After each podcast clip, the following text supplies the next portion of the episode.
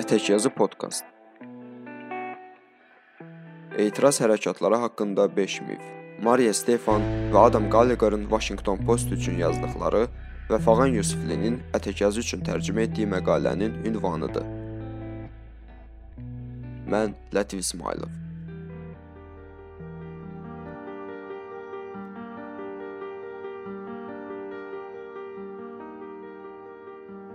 Xeyr, etirazlar həqiqətən xarizmatik liderlərə ehtiyac duymur. Vətəndaşlar öz hökumətlərinin tiranlığı ilə üzləşdikcə bütün dünyada etirazlar dalğası davam etməkdədir. İraqdan Zimbabveyə, Honkonqdan Çiliyə qədər, hətta kifayət qədər nəzarət və cəza rejimlərinin olduğu yerlərdə belə nümayişçilər səslərini eşitdirmək üçün çalışırlar. Lakin bu hərəkatlarla yanaşı onların necə işlədiyinə dair yanlış təsəvvürlər də davam edir və onların məqsədləri, metodları və nəticələri haqqında anlayışımızı çaşdırır. Sosial medianın populyar hərəkatlara daha təsirli etməsi prosesi 2011-ci ildə ərəb üsyanları zamanı dominant bir nəzəriyyə sosial medianın yüksəlişinin xalq hərəkatlarına kömək edəcəyinə inanırdı. MIC-də 2012-ci ildə dərc olunmuş məqalədə deyilir. Sosial şəbəkə saytları vasitəsilə ərəb baharı fəalları təkcə güclü diktaturanı devirmək gücü əldə etmədilər, həm də sıravi ərəblərə mövcud yeraltı icmalardan xəbərdar olmağa kömək etdilər. Bu il Sudanda Ömər Həsən Əlbəşirə qarşı keçirilən nümayişlərlə bağlı Wall Street Journal xəbərində deyilir. Siyasi fəalların küçə etirazları Sudanın uzunmüddətli liderinin hərbi yolla devrilməsini sürətləndirməsində sosial medianın gücünə güvəniblər. Bu il İran hökuməti kütləvi etirazlara cavab olaraq internetə giriş imkanlarını məhdudlaşdırıb. Bu addım 2009 və 2011-ci illərdəki oxşar hadisələr zamanı internetə girişi əhəmiyyətli dərəcədə yavaşladıqdan sonra atılıb. Etirazçılar bunun onların təşkilatlanma qabiliyyətinə zərər verdiyini söyləyir.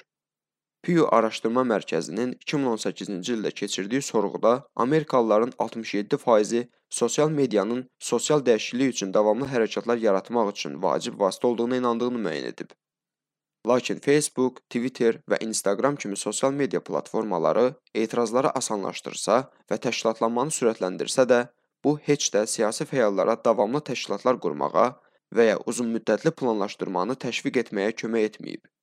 Bu tipli strukturlar 1980-ci illərin əvvəllərində Polşa həmrəyliyi hərəkatının hərbi vəziyyətə tab gətirməsinə kömək etmək üçün mühüm əhəmiyyət kəsb edirdi və daha yaxınlarda yerli təşkilatlar Sudan xalq hərəkatının hökumət qüvvələri və paramilitar qruplar tərəfindən zorakı repressiyalardan sağ çıxmasına kömək etdi.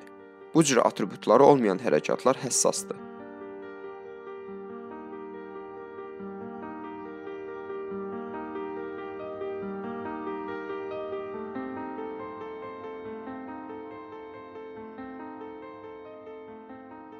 Qeyri-zorakı müqavimət müəyyən qüvvələrə qarşı faydasızdır.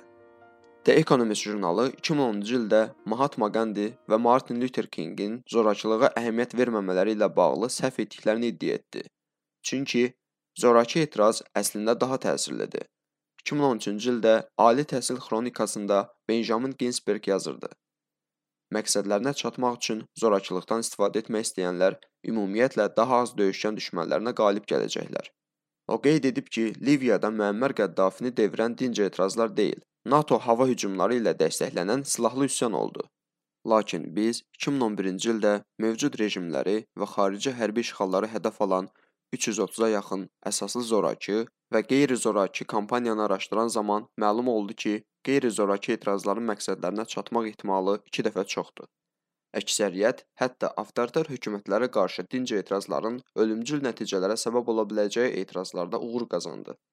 Çilidə Avgusto Pinochetin, Filippində Ferdinand Marcosun, Tunisdə Zin Əlabidin Ben Əlinin, Qambiyada Yəhya Camenin, Sudanda Bəşirin və Əlcəzairdə Əbdüləziz Bütövfiqanın devrilməsi kütləvi qeyri-zorakı qüvvələrin despotların hakimiyyəti əlindən almasının sadəcə bir neçə nümunəsidir. Alimlər hələ də zorakılığın qeyri-zorakı hərəkatlara zərər verdiyini və ya kömək etdiyini müzakirə edirlər. Bəziləri silahsız mülki şəxslər tərəfindən məhdud zorakılığın faydalı ola biləcəyini iddia etsə də, digərləri bu cür taktikaların əlavə edilməsinin iştirakçı sayını azaltdığını və rejim tərəfindən zorakılıq riskinin artırmağa meylli olduğunu iddia edir. Bu da hərəkat üçün bəzən fəlakətli nəticələr gətirir.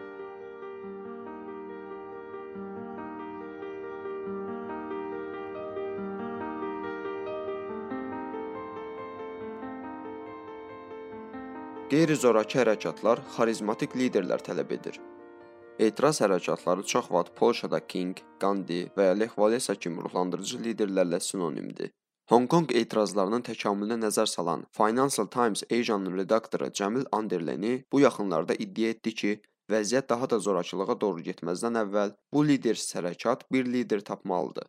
Keçən ay The Atlantic-də bir esse qeyd etdi ki, liderlərin çatışmazlığı etirazçıların hakimiyyətlə necə qarşı-qarşıya qalacağına dair göstəriş verəcək heç kim olmadıqda gərginliyi və zorakılığı gücləndirə bilər. Ancaq bugünkü hərəkatlar getdikcə lidersiz müqavimətə və ya bəlkə də daha doğrusu, kiçik qruplarda təşkilatlanan bir çox liderin olduğu yayılmış bir quruluşa əsaslanır. Honkonq fəallarının etirazlara qeyri-mərkəzləşdirilmiş yanaşması 2014-cü ildə yüksək profilli liderlərə həbs edilən çətir hərəkatının birbaşa nəticəsidir. Əmək, insan haqları, tələbə, ətraf mühit və qadın qruplarının geniş əsaslı koalisiyası olan Sosial Birlik Çilidə etirazlara səbəb olub. Bu nümayişlərin başlamasından 4 gün sonra Çili prezidenti Sebastian Pinera hərəkatı sakitləşdirməyə yönəlmiş iqtisadi tədbirlər paketini elan etdi. Buna baxmayaraq etirazlar davam etməkdədir. Sudan və Əlcəzair xalq üsyanlarında hansısa xarizmatik lideri müəyyən etmək çətin olardı.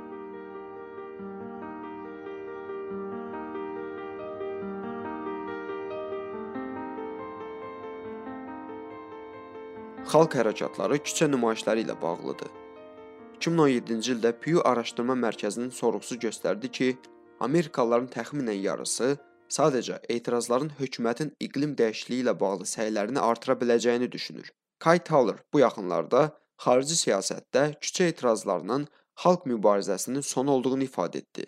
Həqiqətən də bu il qeyri-zorakı müqavimətin artmasına baxmayaraq 2019-cu ildə xalq hərəkatlarının işıqlandırılması dəyişikliyə təkan verən digər üsullara məhəl qoymadan demək olar ki, tamamilə küçə etirazlarına yönəldi. Lakin küçə etirazları siyasi nəticələrə nail ola biləcəyi zorakılıqsız taktikalardan yalnız biridir. Eyni dərəcədə dəyərli müqavimət növlərinə boykot və ya tətillər daxildir. 2003-cü ildə Liberiyalı qadınların ölkədə ikinci vətəndaş müharibəsinə son qoyulmasını tələb edən tətili uğur qazandı 1990-cı illərdə Türkiyədə 30 milyon vətəndaş ölkənin diqqətini korrupsiyaya yönəltmək üçün gecələr işıqları yandırıb söndürdü. Bu kampaniyanın bir nəticəsi bir qrup siyasətçilər və mütəşəkkil cinayətkar qrupların üzvləri üçün məhkəmə araşdırmaları, mühakimələr və hökmlər ilə nəticələndi. Montgomery avtobusu və Cənubi Afrika boykotları Jim Crow seqreqasiyası və apartheidin sona çatmasına yol açdı. Sudanda isə Bəşirin devrilməsindən əvvəl ümummilli işçi tətili və evdə qalma kampaniyası keçirildi.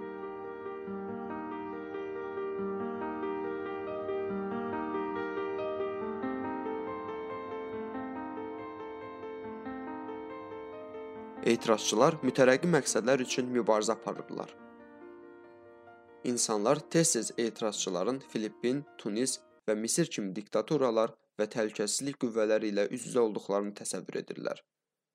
Peter Ackerman və Jack Dowell'ın daha güclü bir qüvvə kimi qeyri-zorakı müqavimətin ən məşhur nümunələri yalnız 20-ci əsr mütərəqqi və demokratik məqsədləri olan hərəkatlarını əhatə edir.